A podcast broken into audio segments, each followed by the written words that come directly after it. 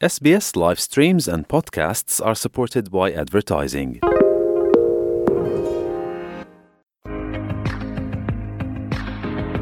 ሰላም ጥዕና ሃበልና ከመይ ትቕንዩ ክቡራት ተኸታተልቲ ኤስቤስ ትግርኛ ንሰዓት ተዳለዉ ዜናታት እንሆ ፈለማ ርስታቶም ክነቐድም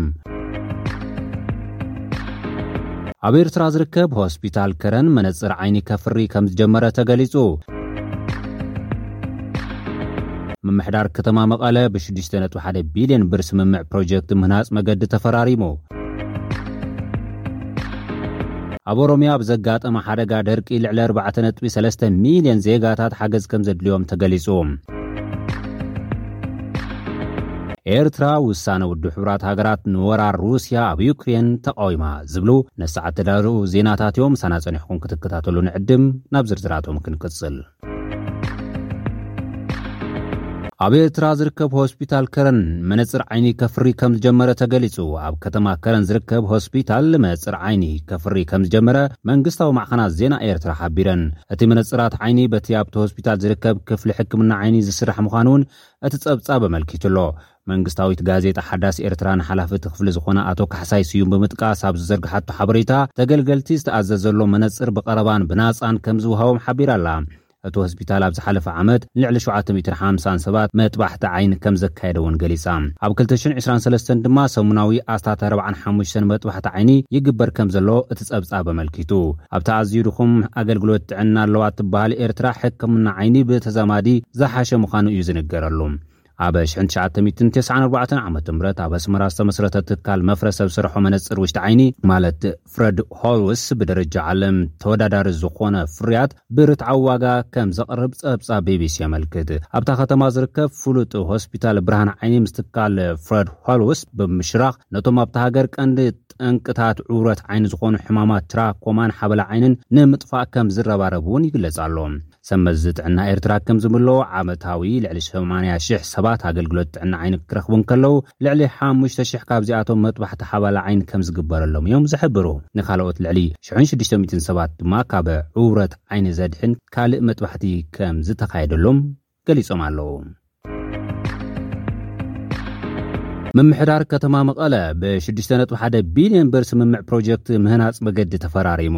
ምምሕዳር ከተማ መቐለ ሱር ኮንስትራክሽን ሓላፍነቱ ዝተወሰነ ውልቀ ማሕበርን 62 ኪሎ ሜትር መገዲ ኣስፋልትን ፀፀር ንምስራሕ ብ6.1 ቢልዮን ቅርሺ ስምምዕ ከም ዝፈፀሙ ማዕከናት ዜና ትግራይ ገሊፀን ኣለዋ። ብሰንክቲ ኣብ ትግራይ ዝተወለዐ ኩናት ተቋሪፁ ዝፀንሐ ስራሕቲ መገዲ ከተማ መቐለ ዳግም ንምጅማር እቲ ምምሕዳር ብተበግሶ ይሰርሕ ከምዘሎ ከንቲባ ከተማ መቐለ ኣይተ ይትባረክ ኣምሃ ገሊፆም ኣለው። እቲ ፕሮጀክት መገዲ ተስፋ ህዝቢ ዘለምልም፣ ሕውየትን ካሕሳን ዝፈጥርን ዝተብሃለ ኮይኑ ካብ ክልተ ክሳብ ሰለስተ ዓመት ኣብ ዘሎ ግዜ ክዛዘም ድማ መደብ ከምዝተትሓዘሉ ተገሊፁ'ሎ። እቲ ዝተፈረመ ስምምዕ ብቕልጡፍ ናብ ተግባር ክእቶን ምእንተ እዚ ዝውነኖ ዓቕምን ክእለትን ዝተወደበ ሓይሊ ሰብን ማሽነሪታትን ከምዝጥቀምን ዝገለፁ ድማ ዋና ኣካያዲ ስራሕ ሱር ኮንስትራክሽን ሓላፍነቱ ዝተወሰነ ውልቀ ማሕበር ዝኾኑ ኣይተ ዘንፉ ኣስፋው ምዃኖም ድምፂ ወያነ ትግራይ ኣብ ዝዘርጎ ሓበሬታ ገሊፁ ኣሎ። ኣብ ኦሮምያ ብዘጋጠመ ሓደጋ ደርቂ ልዕሊ 4.3 ሚልዮን ዜጋታት ሓገዝ ከም ዘድልዮም ተገሊጹ። ኣብ ክልል ኦሮምያ ዘጋጠመ ደርቂ ንምምካትን ዜጋታት ንምድሓንን መላእ ህዝቢ ኢትዮጵያ እጃሙ ክዋጻእ ብሄራዊ ክልላዊ መንግስቲ ኦሮምያ መጽዋዕታ ኣቕሪቡ'ሎ። ምኽትል ርእሰ ምምሕዳር ብሄራዊ ክልላዊ መንግስቲ ኦሮሚያ ነዚ ኣመልኪቶም ኣብ ዝሃብዎ መግለጺ፣ ደርቂ ብብርኪ ዓለም ለኸ ፈተና እናኾነ ምምጽኡ ብምግላጽ፣ ኣብ ኢትዮጵያ እውን ኣብ ልዕሊ ሰብን እንስሳትን ሓደጋ እናስዓበ ከምዝርከብ ገሊጾም ኣለው። እቶም ምክትል ርእሰ ምምሕዳር ኣብቲ ክልል ዘጋጠመ ደርቂ ብዘላቕነት ንምፍታሕ እናተሰርሐ ከምዝኾነ እውን ሓቢሮም። ኣብ ዝተፈላለዩ ከባብታት ክልል ኦሮሚያ ብፍላይ ኣብ ካብ ዝሓለፉ ሰለስተ ተኸታተልቲ ዓመታት ንደሓር ድርቂ የጋጥም ከምዘሎ ዝገለጹ እቶም ሓላፊ፣ ልዕሊ ኣርባዕተ ነጥቢ ሰለስተ ሚልየን ዜጋታት ካብ ሓደጋ ንምድሓን ከምዝተሰርሐ እውን ተዛሪቦም። ብሰንኪ እቲ ድርቂ ህይወት ሰብን እንስሳትን ብኸቢድ ከምዝተጠቕዑ ዘርእዩ ምስልታት ካብ ኦሮሚያ ዞባ ቦሮና ክዝርግሑ ቀንዮም እዮም። ኣብቲ ክልል ኣብዚ ዓመት ጥራሕ ብዘጋጠመ ሓደጋ ድርቂ ኣርባዕተ ነጥቢ ሰለስተ ሚልየን ዜጋታት ሓገዝ ከምዘድልዮም እውን ኣይተ ኣወሉ ተዛሪቦም። በዚ ድማ ኣብቲ ክልል ዘጋጠመ ተፈጥሮኣዊ ሓደጋ ንምክልኻል ማሕበረሰብ ዳያስፖራ ሓዊሱ ኩሉ ህዝቢ ኢትዮጵያ ሓገዙ ከበርክት ሓቲቶም ኣለዉ።